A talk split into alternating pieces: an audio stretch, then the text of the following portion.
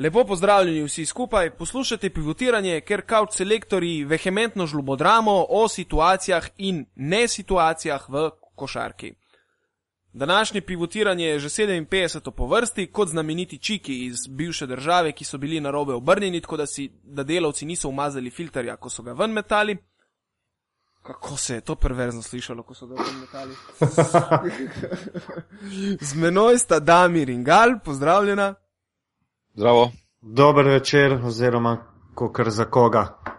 Ja, sej, veš kaj pravijo. E, torek je dan za pivotiranje. Nema veze, da bo to objavljeno v sredo ali ne, da je bože v četrtek, ne, ampak tokrat vsaj izjemoma snemamo v torek, kar sploh ni šlo.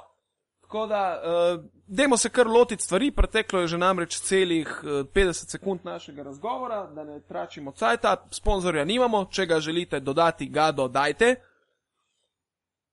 Gremo, NBA. Zato imamo danes tukaj dva majstra za NBA.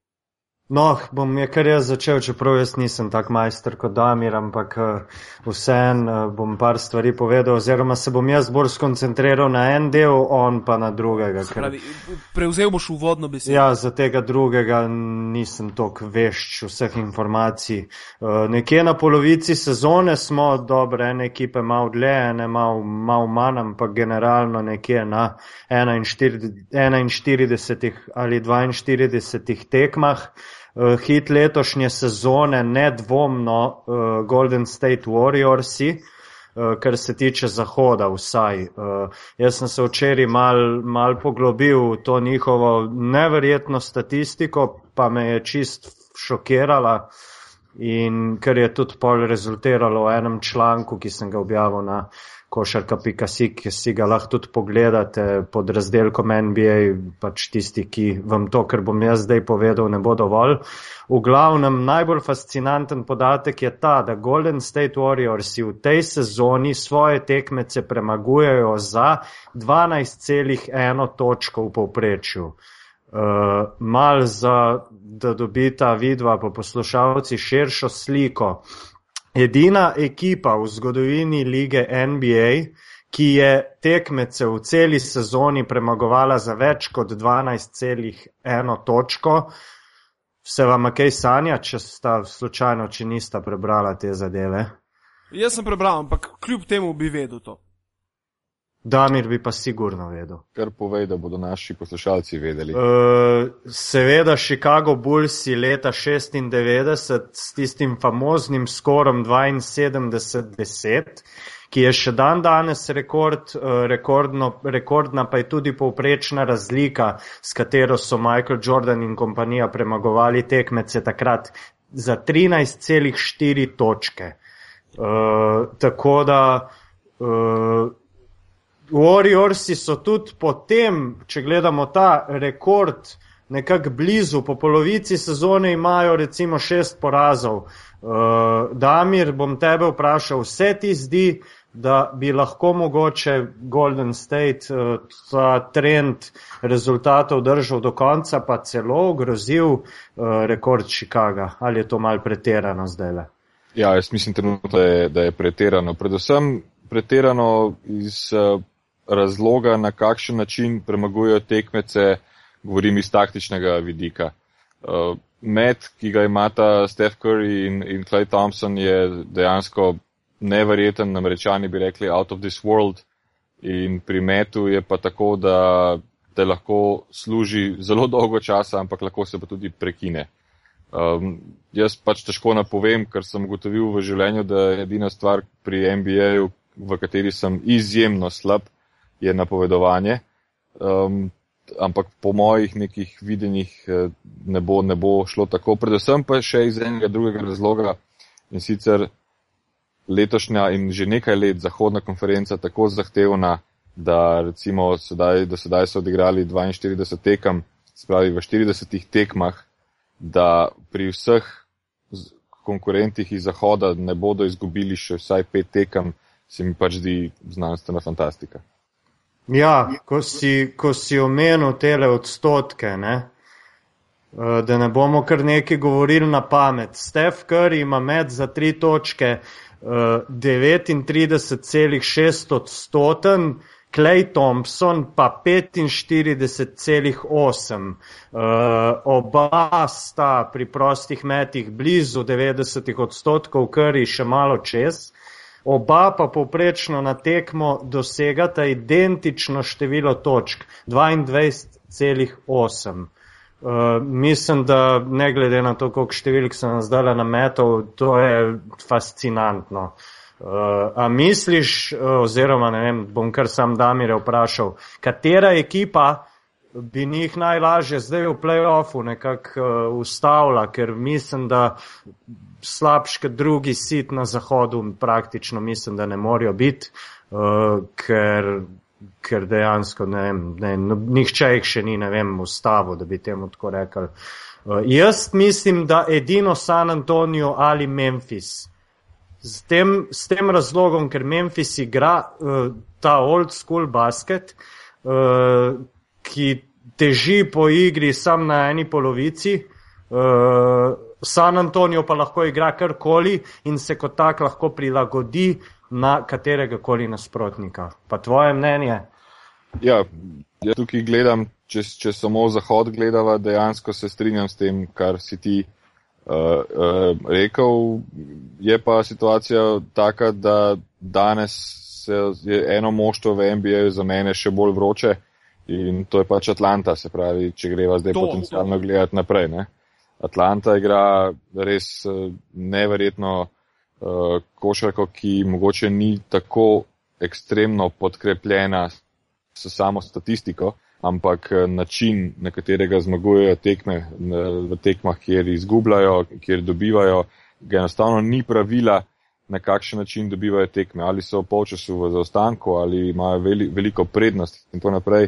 Uh, in da so od zadnjih 32 tekem zmagali 30, je pač meni znak, da bi jim oni lahko parirali.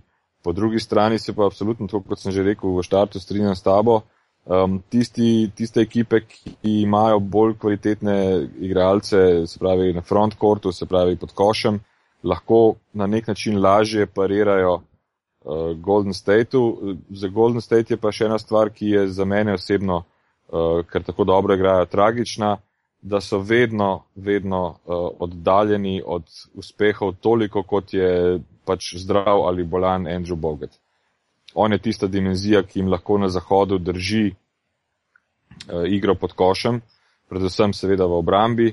Ostale ekipe, ki so pa močne recimo na centrih, če je karkoli z njim narobe v smislu poškodbe ali bolezni, je pa igra toliko in toliko uh, slabša, predvsem manj čvrsta.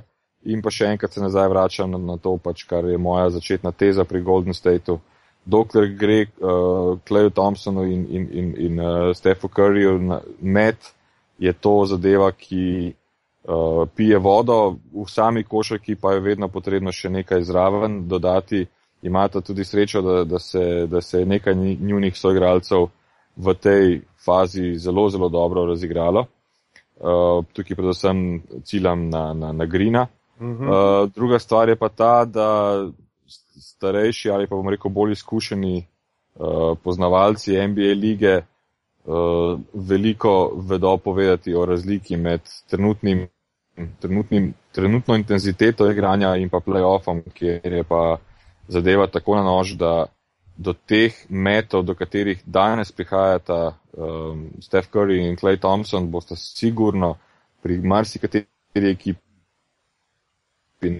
ne samo eni ali dveh, kasneje prihajala težje. Uh, tako da absolut, s tem absolutno ne zmanjšujem ničesar, kar je Golden State do sedaj dosegal in res uh, igrajo vrhunsko zmagovalno, so v pravem ritmu predvsem, ampak uh, smo pa še zelo, zelo prezgodni, da bi lahko karkoli napovedali v smislu tega, kako dobri bodo čez 20, 30 ali pa še za mene vedno merodajno v začetku in sredini in koncu playoffa. Ja, Točno tako, mislim, da se bodo oni letos v playoffu soočali s pritiskom, ki ga niti približno še niso vajeni.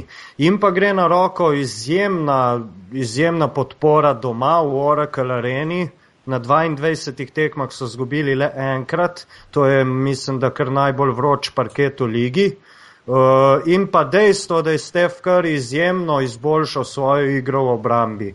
Mislim, da je to k noč pa dan, če primerjamo s kakšnimi dvem, dvema sezonama nazaj.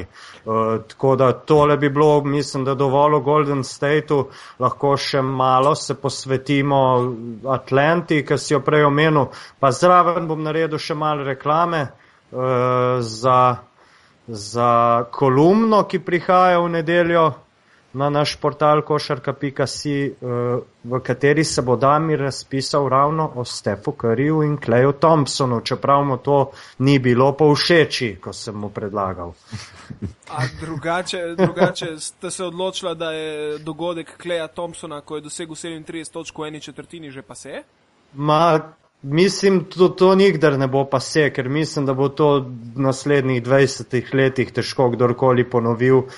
Uh, ampak mene bolj fascinirata oba skupaj, ker, ker, ker ponavadi so dvojci v, v ligi NBA bili uh, nekako uh, taki odličnih dvojcev, je bilo milijon. Ampak takih kot sta one dva, dva taka šuterja, tako hladnokrvna, mislim, kaj tacga pa mislim, da še ni bilo. Uh, tako da meni je bolj to fascinantno, uh, kako deluje ta skupaj. Pa... Ja, jaz sem malo, malo te ameriške šole tudi mentalitetno v glavo dobil med časom mojega bivanja tam. In nisem imel absolutno nič proti temu članku, in ga bom tudi ustrezno uh, naredil. Eh, tudi pač eh, malo analitike zraven. Bolj sem bil v tem, v tem razmišljanju, da ste lahko hladnokrvna, ste lahko vse živo osvojila, niste pa še nič po domači povedano. Ne? In uh, ko govorimo o legendarnih dvojcih in tako uh, se mi vedno pač prikazujejo drugi dvojci, ki si jih lahko prej omeniš v smislu tega, kaj sta osvojila, ampak absolutno je pa stvar sledeča. Vroča sta, funkcionirata to je res vsako leto bolje funkcionirata, kar je za backcourt zna biti včasih tudi težava, da neko leto gre, drugo leto ne gre. Ne? Tako da, če boste šla po tej poti, boste sigurno tudi kaj uh, osvojila, tudi moštvo samo se vsako leto na nek dokaj pameten način spet uh, okrepi. In uh, sigurno, če bo le s poškodbami in zdravjem vse v redu, bo, bodo, bodo ne samo letos, ampak tudi vnaprej uh, pretendenti za, za najvišja mesta oziroma za sam ja. naslov. Uh, sej jaz nisem, da me ne bo kdo narobe razumel, nisem ima že dal tega legendarnega svetniškega sija na glavo. Uh, ker, kot si sam povedal, dokler v playoffu ne boste pokazala uh, nekaj takega, kot zdaj kažete, to ni to. Mi pa upanje pač uliva tudi trener, ki, ki ve, kako se stvarem streže. In nasploh sem pač njihov simpatizer in uh, bom stiskal pesti, da, da, da pridejo čim dlje. No, zdaj pa. Trenerju se bo pa midva trenutno za 30 sekund tudi rašla. Uh, trener bo moral pa še nekaj pokazati, več sezon, da bom lahko imel neko ekstra zaupanje. No, vse je klik zato, ker gre za ruki, a med trenerji pa, pa, pa mu je že uspelo ja. nekak, pač nekaj to, pokazati. Ne. To je res, to je res, ampak uh, sam ne maram Marka Jacksona, ki je bil prejšnji trener Golden State, zaradi pač njegovih marsikaterih uh, čudnih pogledov na življenje. Ampak eh, dejstvo je, da je Mark Jackson imel in pač naredil neke nastavitve, ki jih sedaj Steve Kerr, seveda letošnji trener, um, lahko tudi izkorišča in jih izkorišča in tudi ga noben ne more kriviti. Zakaj ga pa ne bi izkoriščal, če je eh, formula zmagovalna. In tudi, da ne bo pomote, Steve Kerr je meni izredno, izredno um, všečen košarkar bil, glede na njegove fizične sposobnosti. Jaz sem ga še zelo rad spremljal še v času, ko je igral za Cleveland. Mislim, da ga večina ljudi se raje spominja iz Chicaga in potem tudi kasneje malo iz San Antonija Spursov. Uh, meni je bil že takrat v Clevelandu všečen, tako da tukaj ni zdaj v tem težava, ampak bo pa moral še malo tudi on um, narediti kaj, da, oziroma osvojiti kaj, pa ne rečem letos, ampak v letih, ki pridajo, da bo, da, da bom, da bo to, iz moje strani si pridobil tudi trenersko zaupanje. Vemo, da je bil tudi GM v Phoenixu, kjer njegovo delo z, za mene uh, ni bilo slabo, ni bilo pa tudi nič posebnega. Tako da no, tukaj mu tudi naprej želim srečo. Ja, uh, nič. Uh... Je to od NBA-ja to ali. uh, Dajte še kaj povedati o Atlanti, ker meni je Atlanta tako ali tako simpatična ekipa že zaradi glavnega majstra Pera Antiča noter. Atlanta je naredila eno zelo hecno zadevo, um, ki, je, ki je popolnoma absurdna, ampak to je pač Amerika. Uh, ekipo, ekipa, ki je sedaj sestavljena v Atlanti, je sestavil uh, general manager Danny Ferry. Danny Ferry, ki je znan po tem, da je pred letošnjo sezono ne da je dobil mnogo, ampak je dobil dopust za nedoločen čas, zaradi tega, ker se je izkazalo pri nekih ja, scouting reportih, da je on in tisti, ki so ta scouting report sestavljali, rasist. Ja. in sedaj uh, je ta Danny Ferry naredil tako pač sam sebi neumnost, da medtem, ko, ko bi zdaj lahko na tekmah sedel kot glavni kralj NBA-ja, kar se GM-ovstva tiče, ne se pravi general manager, in imel potem iz tega kupljeno opcijo, da lahko na tej funkciji v NBA deluje še 20 plus let, ker je še načeloma dokaj mlad, uh, je to zadevo z enim nepremišljenim, uh, z eno nepremišljeno potezo in sicer ta scouting report je bil o Luolo Dengu, igralcu Miamija, ki ga večina se spominja še kot odličnega igralca Chicaga in kasneje Clevelanda je dejal o njemu, da je v bistvu prevarant, da je tak kot en uh, uh, prodajalec v, v trgovini v Afriki, ki te vabi, ki te zvabi v trgovino z raznimi svojimi strani, ki jih prodaja, potem te pa peleš še skozi ena vrata v ozadju trgovine, kjer ti pa pokaže v resnici, o čem se gre. Ne?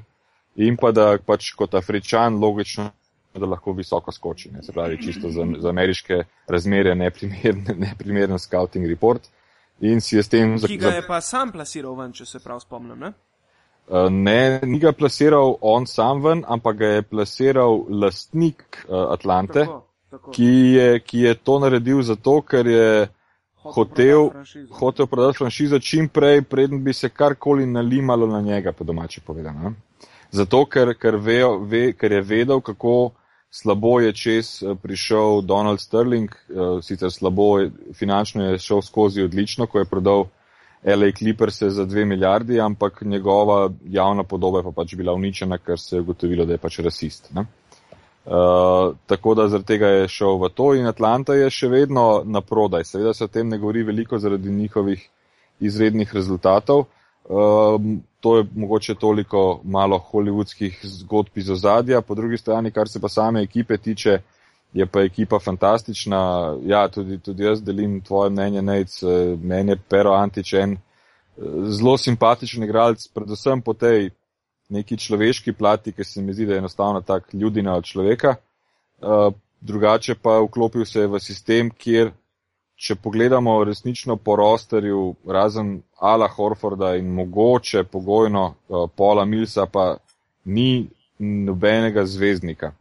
Pa Jeffa Tiga, recimo. Ja, no. Jeff Tig ni zvezdnik, mi je prav žal, ni zvezdnik niti, niti blizu, pa ga cenim in je normalno dober igralec, če ne se vodi ekipo do tega rezultata, ni pa, ni pa zvezdnik. Še predvsem govorim to zaradi tega, ker igra na poziciji, kjer lahko in ti in jaz na hitro naštejeva deset plajev, ki so pred njim. Ne?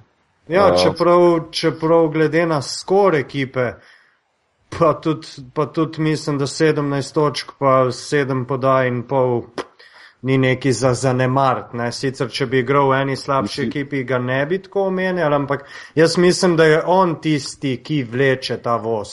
On pred tisti... Horfordom in, in pred Milsapom, pa recimo, da je seveda tukaj Kyle Korver tudi tisti, ki, ki, ki daje to, to sigurnost. Absolutno. On, on, ti, ti si rekel, da vleče voz. Jaz bi rekel, da je on glavni začetnik, ki ima uh, ta, to, ta fizičen dar, da lahko na prvem driblingu ja, naredi prebije, ja. In Atlanta igra eno zelo preprosto košarko, brez preveč nekih šablon, kjer se zavedajo, da če ti narediš hitro, če ti preigraš svojega igralca, pride pomoč, po pomoči pa tako je nekdo sam. In tvoja največja, uh, uh, največja v bistvu naloga je, da tega igralca čim prej poiščeš. Zato pride Karl Korver do izraza. Uh, čeprav so zdaj vsi polni hvalnic uh, na račun Kajla Korvera in njegovih, njegovih potencijalnih 50, 50, 90, uh, je pa dejstvo tako, da je Kajl Korver bil ne šuter, ampak šuterčina od prvega dneva, kar je prišel v NBA, pa je igral v ekipah, kjer se pač ni, ni, ni, toliko, ni toliko prišel do izraza zaradi načina igre. Um, in dejstvo je, da, da tukaj so pa končno rekli, zdaj pa imamo to možnost in jo bomo izkoriščali do nezavesti. Po drugi strani pa ena zanimiva, en zanimiv statistični podatek za Kajla Korvarja je sledeči. On je dal mislim, da zdaj okrog 125 do 130 trojk, ne glede na zadnje tekme ne, v celi sezoni. Od teh 125 uh, eh, trojk je samo devetkrat dal žogo enkrat od tla prednje vrgu. Catch and shoot, seveda. Tako, tako, devetkrat. Mislim, to je nekaj tudi, kar, je, kar če bi šli res gledati vse tekme NBA, ne bi našli igralca, ki je manjkrat dal žogo ob tla kot on, ne? prednje, prednje vrgo. Se pravi, čisti, čisti šuter. In uh, Atlanta tako dobro igra letos, da celo sedaj pred All-Star vikendom so bile neke, uh, neki govori in peticije, da bi lahko bi bili štirje na klopi. Štirje ja. na, na, na, na, na, na All-Starju, tako dobri so. No, to je pač, kar se tiče Atlante. Medtem, ko sprememba iz samega začetka sezone je ta, da Toronto in Chicago igrata spremenljivo in nekako padata kljub temu, da sta bila pač uh, med, med nekimi favoriti vzhoda, da se Cleveland po vrnitvi Lebrona Jamesa nekako pobral. Uh, še bolj kot pa vrnitev Lebrona Jamesa je pa sveža, sveža kri, ki je Cleveland dobil v tradih in pripeljal Imana Šamperta, J.R. Smitha in uh, Timofeja Mozgova, uh, pridobil na neki čvrstini, na obrambi in na opciji catch and shoot, ki je Clevelandu prej manjkala zaradi tega, ker so imeli v ekipi Diona Waitersa, ki naj bi bil zadolžen za catch and shoot, pa človek te vloge ni dojel, ampak je raje žogo handlal in pač s tem delal škodo ekipi. To je, kar se tiče vzhoda. Ostalo na vzhodu je žal uh, bolj revno. Edino izpostavil bi še uh, ekipo Milwaukee Bucksov, ki jim je bilo predvideno nekaj takega, kot če se spomnite uh, Phoenixu. Uh, pred lansko, mm -hmm. pred lansko sezono. Da bojo kanta za napucavanje. Da bojo kanta za napucavanje in Milwaukee lepo z 22 zmagami, 22 porazi gura na 50%. Kljub temu, da so izgubili svojega prvega zvezdnika, mladega Džabarja Parkera zaradi poškodb do konca sezone, uh, še zmeri igrajo zelo dobro in pa mogoče še zadnja omemba na vzhodu, Detroit, ki je odpustil uh, Josha Smitha, kar je bilo takrat, ne bom rekel presenečenje, ampak začudenje, saj je bil plačan trilijon uh, dolarjev na sezono, zato da bo pač ena prvih zvest. In po, njegovi, po njegovem odhodu v Houston, kjer se je pridružil svojemu dobremu prijatelju Dwightu Howardu, je dejansko stvar v Detroitu za res, res zalaufala in uh, so preden so njega uh, imeli, so, uh, preden so njega odpustili, Detroit imel 6 zmag in 23 porazov, od takrat naprej pa imajo skor dejansko uh, 11 zmag in 5 porazov, kar pomeni, da so uh, res krenili na, na, proti, proti skoraj da playoffu v vzhodu, kjer zgleda slika malo lažja. Žal pa slaba novica prihaja, par dni stara da si Ahilovo tetivo strgal yeah. Brenton Jennings. Mm, končal prvi, sezono. Ja, končal sezono in kar nekaj je še ljudi, ki jih je treba omeniti. Kobe Bryant v prvi vrsti, verjetno. Kobe ne? Bryant je, je tudi končal zaradi uh, poškodbe ramena. Uh, že obstajajo kvote za to, uh, če se bo Kobe Bryant vrnil v naslednji sezoni? Ker Mis... meni se zdi to, jaz bi to kar keca stavil direkt. Mislim, da poskušal bo sigurno, naredil bo vse, da se Poglej, bo. Poglej, igralci kot so MJ, Kobe in pač par teh uh, zvezd za, za To so tipi, ki imajo tak drive, da enostavno to so ne tipi, odnehajo. Ki ne, ki ne bojo na podlagi poškodbe končali kariero, ampak bojo končali kariero na igrišču. Mm. Pa, pa če, bo, če, bo, če bo treba, bo on prišel z Berglom na igrišče, pa bo končal tako, pa bo pol šel dol spet z Berglom, ampak ne bo pa končal iz bolnišnice se javil pa rekel, ja, vidim, da ne morem več, telo mi ne dovoli in tako naprej. Ne. Za Kobija Bryanta zanimiva stvar, tudi par dni stara, jaz sem sicer to uh, že zdavnaj slišal, pa vendar ne vem, zakaj je to bilo pogrevano spet par dni nazaj. Leta 2002 so bili zelo resni pogovori, da se pridruži Michaelu Jordanu takrat pri Washington Wizardsih in tudi MJ je bil za to in uh, potem se je pa general manager uh, Washingtona zamenjal leta 2003 in tudi Paul Jordan se je upokojil in iz tega ni bilo nič. Kar pa je bilo kljub vsemu dobro tudi za Kobe, se je osvojil potem še nekaj prstanov z, z Lakersi. Ampak zanimiva zgodba in zdaj nam ostane, da si zamišljamo v glavi, kako bi bilo, da bi bila na igrišču naenkrat v isti ekipi Jordan in Kobe. Ja. Uh, še tole, eno omembo Phoenixa, ki, ki pač ga moramo omeniti, ker smo, smo ga prej pozabili. 26 zmag, 20 porazov za enkrat, uh, dokaj bi lahko rekel, suvereno še držijo osmo mesto na zahodu. Uh, pa še en podatek, ki bo dokaj dobro risal razmerje sil.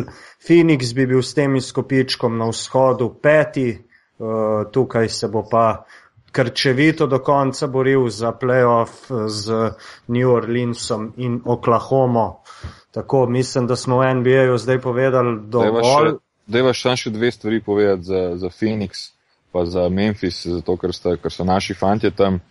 Uh, Goran Dragič zadnji dve tekmi zelo nervozen, ne vem, kaj se točno dogaja, bo pač ali imaš dve slabi tekmi in je to to, ali pa se bo to tudi mogoče kaj vleklo, upam, da ne.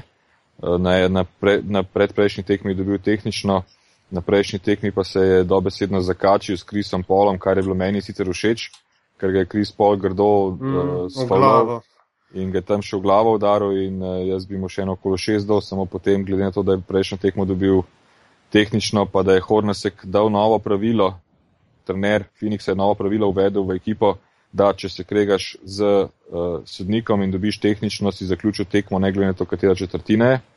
In razlog za to je rekel, da če se, če se bodo tega pravila držali, ko bodo imeli še bolj okrepljeno ekipo in ko se bodo borili za naslov prvaka, bodo imeli tudi več respekta strani sodnikov, uh, kot pa če se tako pač pogetovsko z njimi kregajo.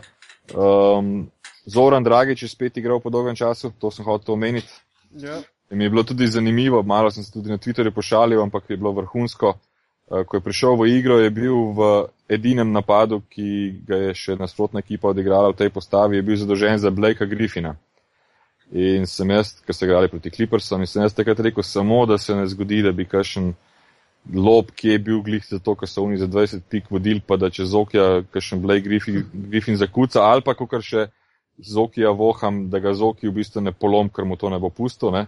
pa da se pol cela afera iz tega naredi, pa da je pol Slovenija spet zaradi nekih narobnih razlogov v časopisih, uh, je, ampak je potem na srečo takoj naslednji napad, je pač že vmes uh, Grifina potegnil na klop, ker je bila tekma odločena in pa zadnja stvar, uh, še premalo, premalo krat povemo, Beno Udrih igra sezono uh, zadnjih petih sezon najmanj in uh, ga je veselje spremljati. Karijere, mogoče.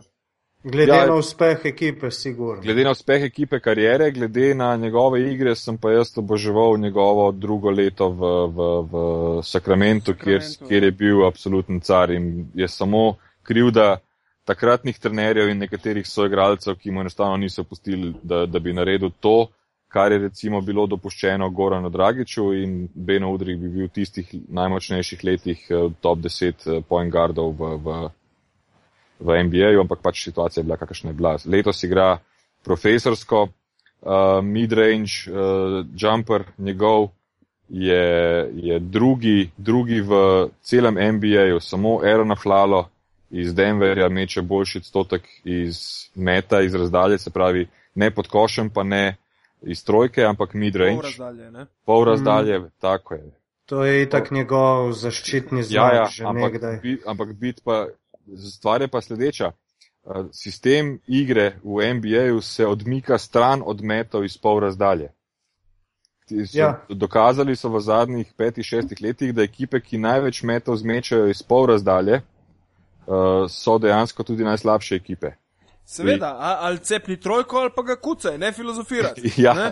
to je pač lažje reči kot narediti, ampak eh, Beno je pa tukaj ostal zvest samemu sebi in tudi tomu gre v čast, da kljub temu, da trenerji tega meta ne marajo, ga on lahko izvede kadarkoli, ne drugi v NBA-ju. Jaz mislim, da pač redko kdaj imamo slovenskega igralca v NBA-ju, ki je v nečem drugi, ne? Uh, tako kot so neko samo z Aaronom Aflalom. Tako da vsa čast Benotu in samo držimo pesti, da bo tako naprej tudi igral. Ja, res je. Pa, pa bomo šaltali zdaj tema, ne? Da, ja. No, Meni je prav dajte cool, komando. Povem po resnici. Ja, poglejta, fanta, sama me poznata toliko časa, raj šalti. Če te midva ne bo ustavila, Točno to sam me ne bo do ben. jutra. Kar se NBA tiče, veste, da, da se lahko pogovarjamo še dve uri. Tako da vida, kar naprej povete, kako in A kaj. ja, se pravi, potem gremo naprej, šaltamo temo. Uh, ja, poglejmo, kaj se dogaja recimo v Euroligi. Zdaj so bila odigrana štiri kola, top 16, počasi se, bi rekel, ne ravno kristalizira, ampak se že kažejo tendence, kateri timi so uh, bližje četrtfinalu in kateri, katere ekipe se od tega četrtfinala oddaljujejo. Ne?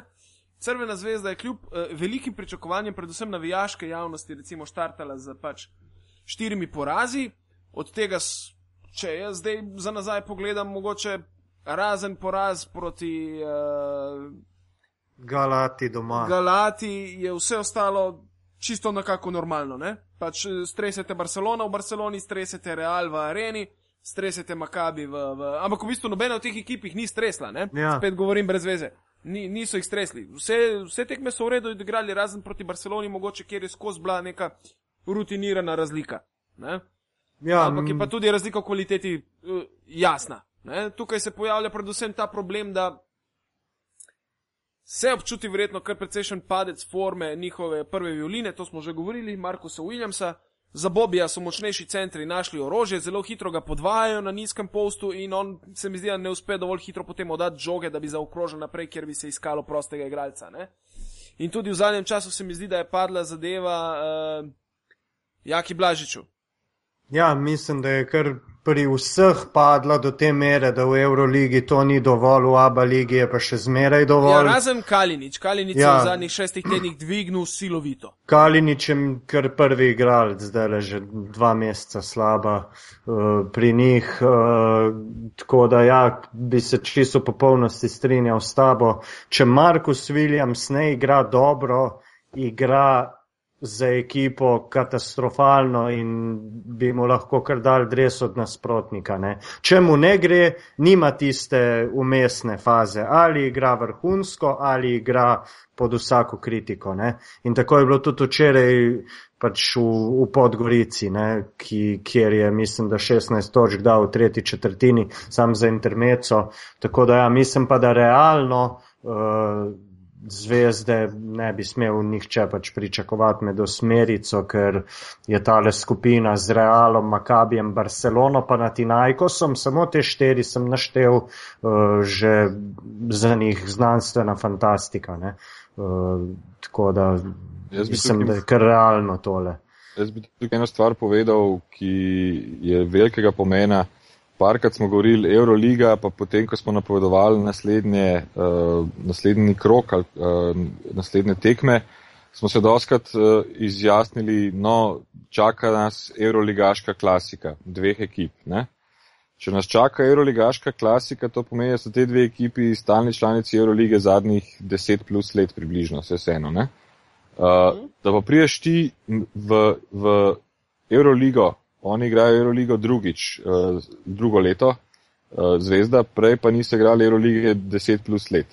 Vse zvezda ne more biti v nobenih kombinacijah z Euroligaško klasiko, če se mene vpraša. No, pa ravno to hočem povedati, da, da, je treba, da je treba v Euroligi uh, zaporedoma odigrati pet sezon, resnično pet sezon, zato ne da ti reče Euroligaška klasika, ampak to sem samo kot primer povedal, ampak zato, da ti razumeš, kot ste vida prej rekla, v nobeni tekmi ni zvezda zgubila 35 pik razlike. Ne?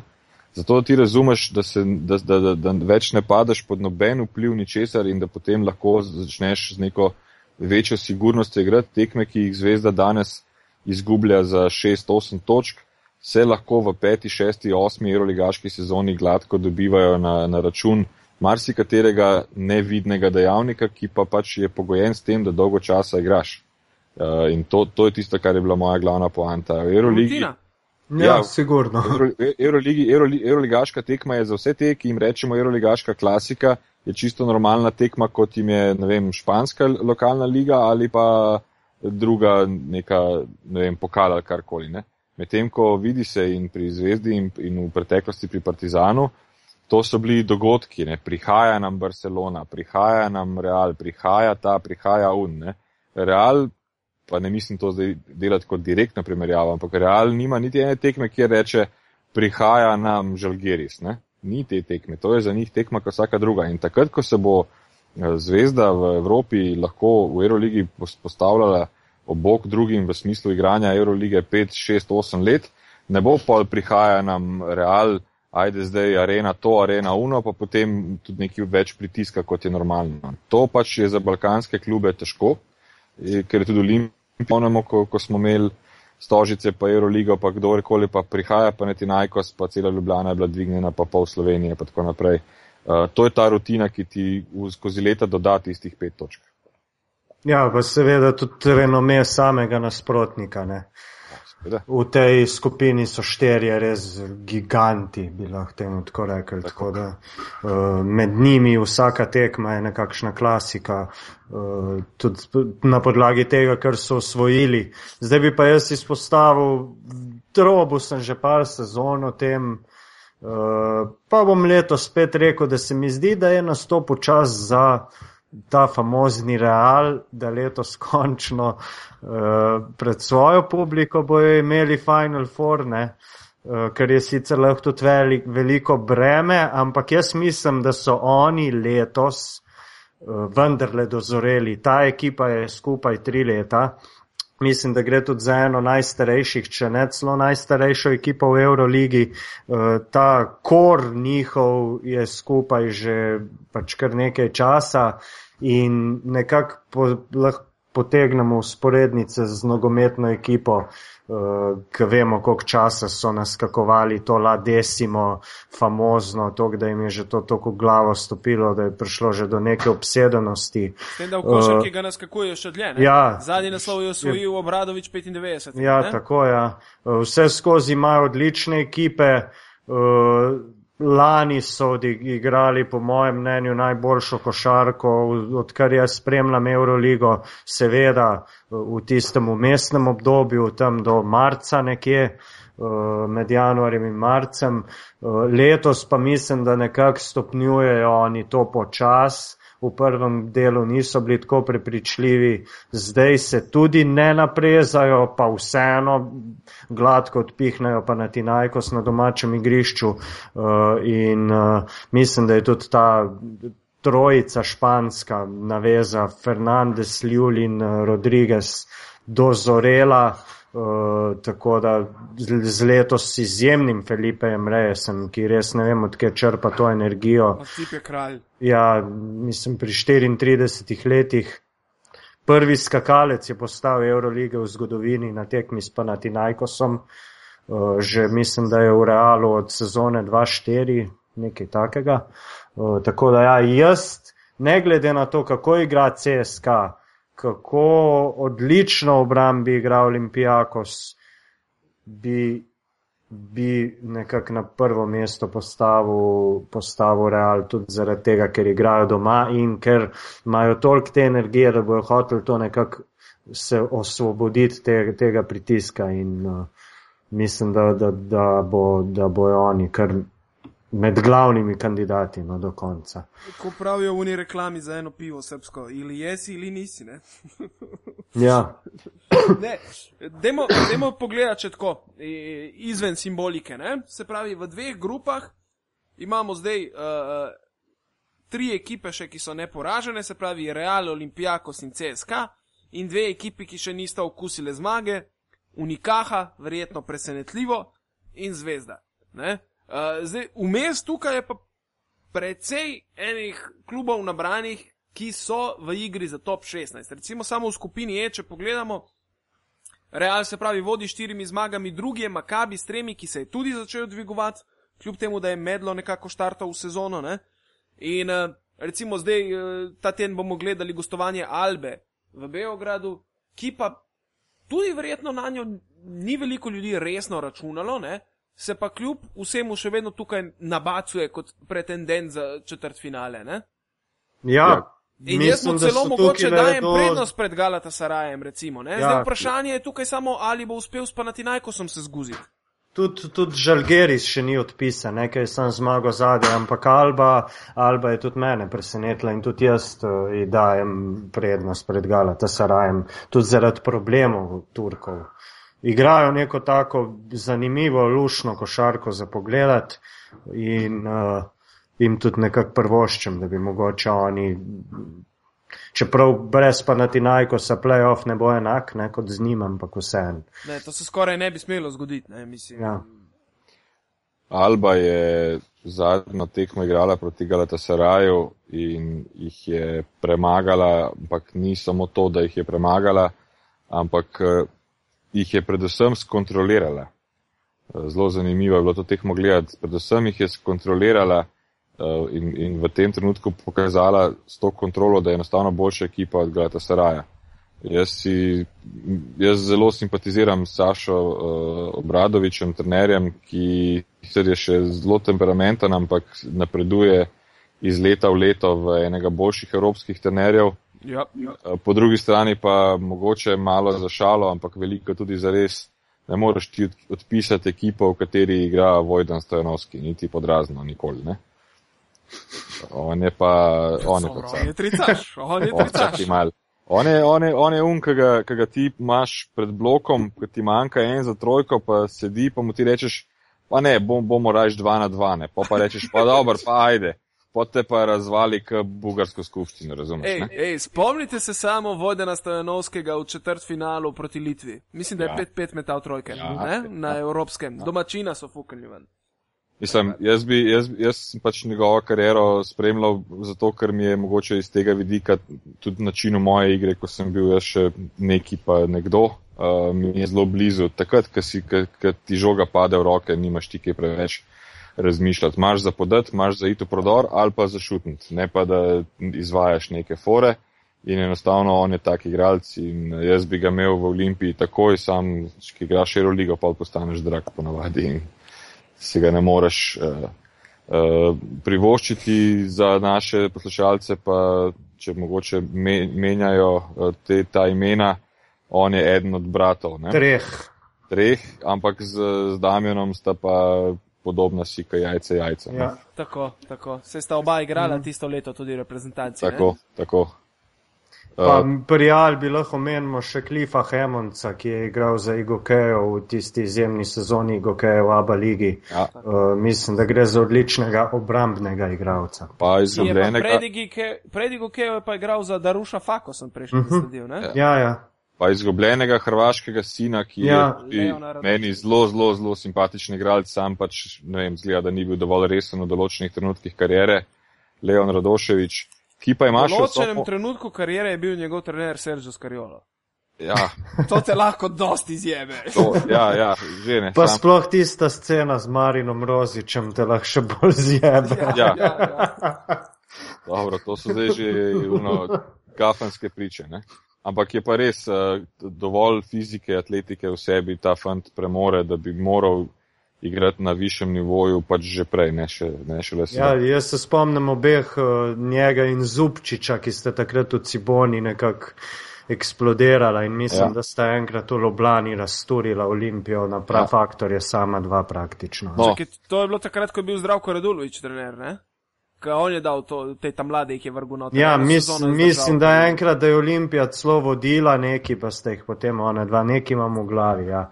In se je potem takrat začelo nek hajp okrog njiju, pa, pa zdaj nekako eh, Radoševič še je nekako progural, eh, Zupčič pa vsako leto pač nekako tone v, v to sivo poprečje. tako. Prav, eh, če smo že, ker smo gli pri Euroligi, highlight eh, celega, eh, celega četrtega kroga je pa prvi polč Nižni Novgoroda proti Efesu. 65 točk v prvem polčasu so. Proti drugi najjači obrambi Eurolige, ne? Tyler Rochester, motherfucker, ne? Ja, Marakovski, prosim. Ja. Ja, No, ampak uh, hotel sem pa to reči, da najbližje, kar so bili igralci Efesa smrti, je bilo, uh, je bilo po mojem med polčasom v garderobi, ki je Duda noter prišel. Ne? Točno to, sem videl ta tvoj tweet, ki si rekel, da nočeš biti zraven. Ne, jaz sem ne. že med polčasom, še pred koncem polčasa sem razmišljal, ko sem gledal Dudo, kako gleda gor v strop in, in s pogledom nekako brska po tistih uh, reflektorjih. Ne? Ja, Sem rekel, ja, bože, kako To- to- se bo to, to slabo bo dobro. končalo za igralce. ne, ke- ke Vidiš ga, eh, ko nori, je še v redu. ne. Ja. Ko te poskuša spotakniti ali pa, ali pa stablo ti toče min glave ali pa se dere, da si debil, to je še vse v redu. Sam, ko pa začne gledati duda v prazno, takrat pa Ja, jaz Jaz bi, bil, jaz bi bil pa v bistvu kar rad, kašen koš za smeti, da bi tako iz distance Ja, opazoval zadevo. smeti, je on verjetno brcno, veš, takrat v garderobi. ne. Ne, neverjeten je, neverjeten je, da s svojimi 72 leti premore eno tako energijo in organiziranost, ki bi mu, ga, ki bi mu jo lahko zavidal vsak trener 35-letni. ne. Ja, to je en To highlight. Mislim, to je tipe strela. To je en highlight, drug highlight, ki je pa, ki je pa popolnoma tračarsko zanimiv, ne toliko košarkarsko, je pa, da tri mesece nazaj si soigralec Lebrona Jamesa, potem igraš po Žalgirisu. ne. Will Cherry. Ja, ja. Uh, kaj se ti to mora, kako, kako, kako se zmotiviraš za naprej, v bistvu, ko vstopiš v ekipo, odigraš, ne vem, deset tekem, na katerih ti vsi govorijo, da si pretendent na NBA prstan eh, z Lebronom Jamesom, Kyriejem Irvingom, Kevinom Lovom si deliš garderobo, se zafrkavaš, pa moraš iti pa v Kaunas. Pa to sploh ne mislim nič grdega v Litvi, da me ne bi kdorkoli razumel narobe. Ne, Ampak ne. enostavno preskok je velik. ne. Čeprav Žalgeris je kar imel, mislim, da je Sony Wims tam začel evropsko kariero, Tako. pa, pa Ty Zato Lawson je bil med, med Ja, lockoutom. Ne? ja se, se sploh ne gre za to, ampak gre se za to, kaj, kakšne imaš uh, aspiracije v, ja. Ja. v življenju in kje si naenkrat si v eni možnosti, da, da pač prideš na, na tron košarke, pač NBA prstan je tron košarke, kakorkoli pogledamo, ne? In to z uh, igralcem, ki bo zapisan v zgodovino med uh, pet najboljših vseh časov, na pamet govorim. Ne? In potem greš in moraš igrati v Kaunasu. Ne? To se mi zdi en tak mentalni preskok hud. No? To, to se mi zdi Ja, kakšnega hecno, no. američana to Sigurno, Jaz- se to, to lahko tudi vprašaš po moje Vujačiča, ki je iz Lakersov šel v Venecijo, recimo. Ne? Mislim, ne, Ja. ne direkt, vmes je imel še Turčijo in to, ampak ne? Sigurno. Tudi sigurno. so se mu začeli dogajati paci. Tako da pri, pri takih zadevah je pol zelo vprašanje. Uh, tle pride do najbolj karakter do izraza, ne? Ja, Ali ja. si tisti, uh, se pravi, resilience, how far can you bounce back? Ne? Ja, ja, to bo zdaj vidno. Ne? To bo zdaj vidno pri njemu. No, to se mi zdi pač zanimivo za omeniti. Sigurno. Uh, drugače se pravi, če v, nekako v skupini F Eurolige so karte mogoče celo malo lažje porazdeljene. Ne? Uh, tudi Fenerbahče recimo z dvema zmagama uh, že nakazuje, da, da jim bo ta top 16 boljši kot lani, ne? kjer so štartali štirimi porazi. Se je pa tukaj noter verjetno umešal Nižni Novgorod, ki mešaš trene, recimo Anadolu, FSU, pa mogoče celo Laboral Kuči. Milano smo prejšnji že nekako pogojno odpisali. Ne? Ja, nižni je mene presenetil že mogoče z uvrstitvijo v top 16. tako Da, Ja, jaz nisem vedel, kaj od njih pričakovati. ne. Ja, Vrstili so mm. se v Euroligo, zamenjali trenerja, eh, Lukič je odšel v Banvic. ne. Uh, nisem točno vedel, kaj pričakovati. Ja, ne vem, no, meni, meni so kot ekipa zelo simpatični in tudi to, kar smo porekli, Taylor Rochesti, jaz mislim tudi, da ima eno najboljših sezon v karieri in boljši igra, kot je igral. in za sigurno reprezentanco najboljšo. Tako naprej. Ne. Uh, predvsem je pa trener, uh, nekako se mi zdi, postavil na neke trdne temelje in, in so ta uspeh, ki ga zdaj kažejo, ne more noben reči, da ga je pričakoval, ampak eh, če je klub stabilen in to očitno klub je, potem lažje napreduje. Ne? Tako da to, to se mi zdi. Bi pa mogoče se vrnil samo na eno stvar, ki si jo ti čisto na začetku gal rekel, Real Madrid v Realu, pač, da bi, v, v Madridu, da bi pač uh -huh. poskusil priti do tega. Um, CSK je tudi zadnja leta vedno imel nek najboljši skor, pa prišel na, na Final Four, pa tam potem zaključil. Ne? Uh, letos, če bo kdo naredil to razliko, jo bo i tudi naredil iz pač nekega svojega filozofskega, trenerskega principa in uh, to bi rad videl, če mu bo uspelo. No? Ja, jaz, jaz mislim, da pač dobro, če se že gremo pač napovedovati, drugače ne bi tako, ampak jaz sem skoraj prepričan, da mu ne bo. Uh, ne, ne, jaz nisem rekel, da mu bo uspelo. Mislim, ja. No. Da bi rad videl, ali mu ja, bo. No, jaz pa mislim, da mu ne bo. Eh, za voljo enega faktorja, pa mogoče me bo to demantiral ali pa ne, to je Miloš Teodosič, ne, on, uh, on bo tist, zaradi katerega bo CSK prišel v finale ali osvojil ali pa ne bo. Ja, Bodi si zaradi njegove obrambe, ki je na trenutke uh, taka, kot da bi nek stol na koleščkih dal na igrišče, pa ga malo uh, Ni, ni, ni, narobe si to ocenil, narobe si to ocenil. Njegova obramba je stil, stil Pink Pantherja. Ja. njegov, njegov, to, da zdaj bom pa citiral Saša Pavloviča, ki ko je še igral za Cleveland. In je, sicer, in je rekel, my offense is my defense. To je actual citat, obstaja, ker je igral za Cleveland, je to izjavil, smeha polna skleda, ker je pač eh, Saša Pavlovič tudi v najboljših časih v Clevelandu ni, ni imel veliko višjega poprečja kot deset yeah. Ja. točk na tekmo, ampak ok, valuable piece in tako naprej, ampak je to bilo smeha polna skleda in od takrat naprej se to lahko reče tudi za koga drugega, v tem primeru za Miloša, ampak za Miloša pa je ena druga stvar letos za mene drugačna, uh, videl sta vse spremljala in to vse poznata. Jaz ga še nisem videl tako mirnega na tekmah, kot je v letošnji sezoni. Ja, to je direkt samo zaradi tudi samo no. moje. Ne? Ampak to, to mi pa uliva več razmišljanja v to smer, da, da jim lahko uspe. Ampak še enkrat, to ni napovedovanje, ker sem ja. že rekel, da sem slab in tudi nimam nobenega favorita. Moji dve ekipi nista v Euroligi in mi je čisto vse en, kdo bo prvak. Uh, tako da ne moram nič napovedati, ampak eh, CSK se mi zdi, da bi mogoče letos lahko bil dovolj zrel. Ne rečem pa, da bo to tudi tako. Ja, sigurno je pa tukaj še Olimpijakos, ne, sto, mislim. Ki se ga nikoli ne odpiše. Mislim, da bo, mislim, da bojo kjerakoli ekipa si njih, mislim, nobena ekipa si njih ne bo želela uh, v tekmi na izpadanje, se pravi na, na Final Fouru, ker tista njihova obramba, da ne omenjam, ko je gal tekma pride v končnico, pa žogo vzame Vasilis Panulis, mislim, da trenutno niti do kolen nihče ni v teh situacijah, tako da bo, bo, bojo oni mešali štrene konkretno, tako da mislim, ja, realce, Sky in Olimpijakos, da so korak pred uh, vso ostalo konkurenco. Za enkrat. Ja, seveda. Tako. E, mislim, da smo s tem lepo obdelali zadevo. Uh, če se ne motim, smo na eni urci. Jaz bi še eno stvar dodal izven vsega tega, samo zato, ker je zelo nova in bi pač našim poslušalcem rad to eh, povedal, da, da lahko pač mogoče to sami nekje pogledajo si.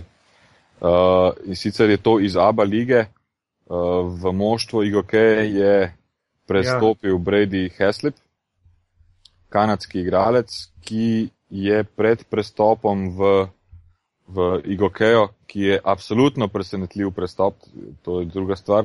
To je bil uh, šok, ja. Šok.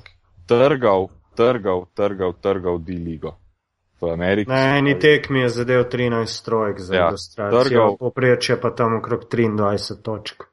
Trgal in, in uh, za njega se čakal je na NBA ponudbo, bilo je veliko snupcev in tako naprej, pa se z nobenim ni nič zmenil, na kar se je govorilo o tem, da bo šel seveda v veliko boljšo ligo. Bila je v igri Turčija, bila je v igri Španija in za pre, moje osebno za prepadanje je, je dejansko se dogovoril z Igokejo, ki nima nobenih aspiracij v, v ABA ligi več, ker ne more iti na Final Four, ker ne more izpast in našim poslušalcem toliko spremljajte tega fanta, še sedem ja. krogov časa ima. Veste, kaj a je, upam, a je, a se je kdo veselim? zasledil, kje je izjavo, zakaj je pa izbral Igokejo? Ker To me živo zanima, res. Jaz sem, mislim, da preletel izjavo njegovega agenta, ki je rekel, da bo tukaj pač eh, iskal svojo izkušnjo v Evropi v resnem članskem basketu. Cool. Na tem je bila poanta. Uh, kar sem pa Ja, hotel ostalo povedati- z rakijo in pečenjem smo pa mi dalje razvili. ja. ja, Uh, samo upam, upam, da ne bo imel prevelike cene na fantasyju, ker mislim, da bo v tej e- ekipi Gokeja on uh, alfa in omega in da bo lahko imel na vsaki tekmi strelske vaje. Ne? Jaz mislim, da je tudi še ena druga opcija, prej, prej je bilo veliko šale na ta račun, ampak ena druga opcija je, da je šel v ekipo brez kakršnega koli pritiska um, in da mu bo ekipa omogočila v teh nekih sedmih Ja. tekmah uh, proste roke in da se bo lahko čim prej privadil na evropsko košarko. Ne. Za ta- Zato je verjetno tudi eh, bil cenovno spremljiv, ker eh, v vseh drugih ekipah je nekako tako, da tisti, ki se borijo za neke, neke lovorike, si, si takega eksperimenta trenutno ne morejo privoščiti, tisti, ki so pred cono izpadanja, mogoče že, šis- že sistem razpada. Uh, tukaj je pa pač vseeno možnost, da, da odigraš proti dokaj, kljub temu, da je Abu Liga leta slabša, dokaj kvalitetnim nasprotnikom in da dobiš uh, proste roke. Ne. To, to je definitivno ena stvar, ki se mi tem utrnila v, v misel. Ne. Pa tudi dvomim, da, je, da obstaja kakšna boljša liga, v kateri imaš vsega in svašta, ne, kot je Aba liga. In iz te lige lahko greš potem kamorkoli, v katero drugo ligo v Evropi, pa boš dobil neko podlago. Ne, neke, od vročih gostovanj do ne takšnih in drugačnih sodniških odločitev, težavah. Vsega imamo tukaj polno skledo in uh, mislim, da se je tudi za to odločil. No. No, ker v povezavi s tem potem obstaja še naslednja povezava, uh, spet samo za, za bodočnost in razmišljanje naših poslušalcev. Uh, reprezentanci Kanade in Avstralije. Uh, Avstralija ima že sedaj sedem reprezentantov uh, uh, v NBA-ju, Kanada pa pač uh, sedaj ima res mlade nadebudne, ki, ki so tudi v NBA-ju med ruki ali drugo, tretje leto. Te dve reprezentanci boste krojili svetovni vrh v teh postavah nadaljnih pet let, se pravi, ne bo samo čisto Evropa, Amerika, eh, se pravi Združene države, ampak boste tudi te dve reprezentanci, poleg seveda ostalih v smislu Argentine, Brazilije, ne, eh, boste krojili vrh veliko bolj kot sta ga v preteklosti in Brady Heslip je dejansko eden od njihove, od kanadske bodočnosti. S to istočnico se pa zdaj poslavljamo od vas, dragi poslušalci. 57, ki se končuje pri 57 minutah, kako romantično smo to speljali, to smo za lač naredili, valjda, lih načrtovali smo. Ampak bomo zdaj zjebali vse z V zadnjimi montaži. zadevami. V montaži. Ne, ne, ne. Evo, nič. Gotovo je. Do naslednjič. Adijo, srečno. Adijo, čau, čau.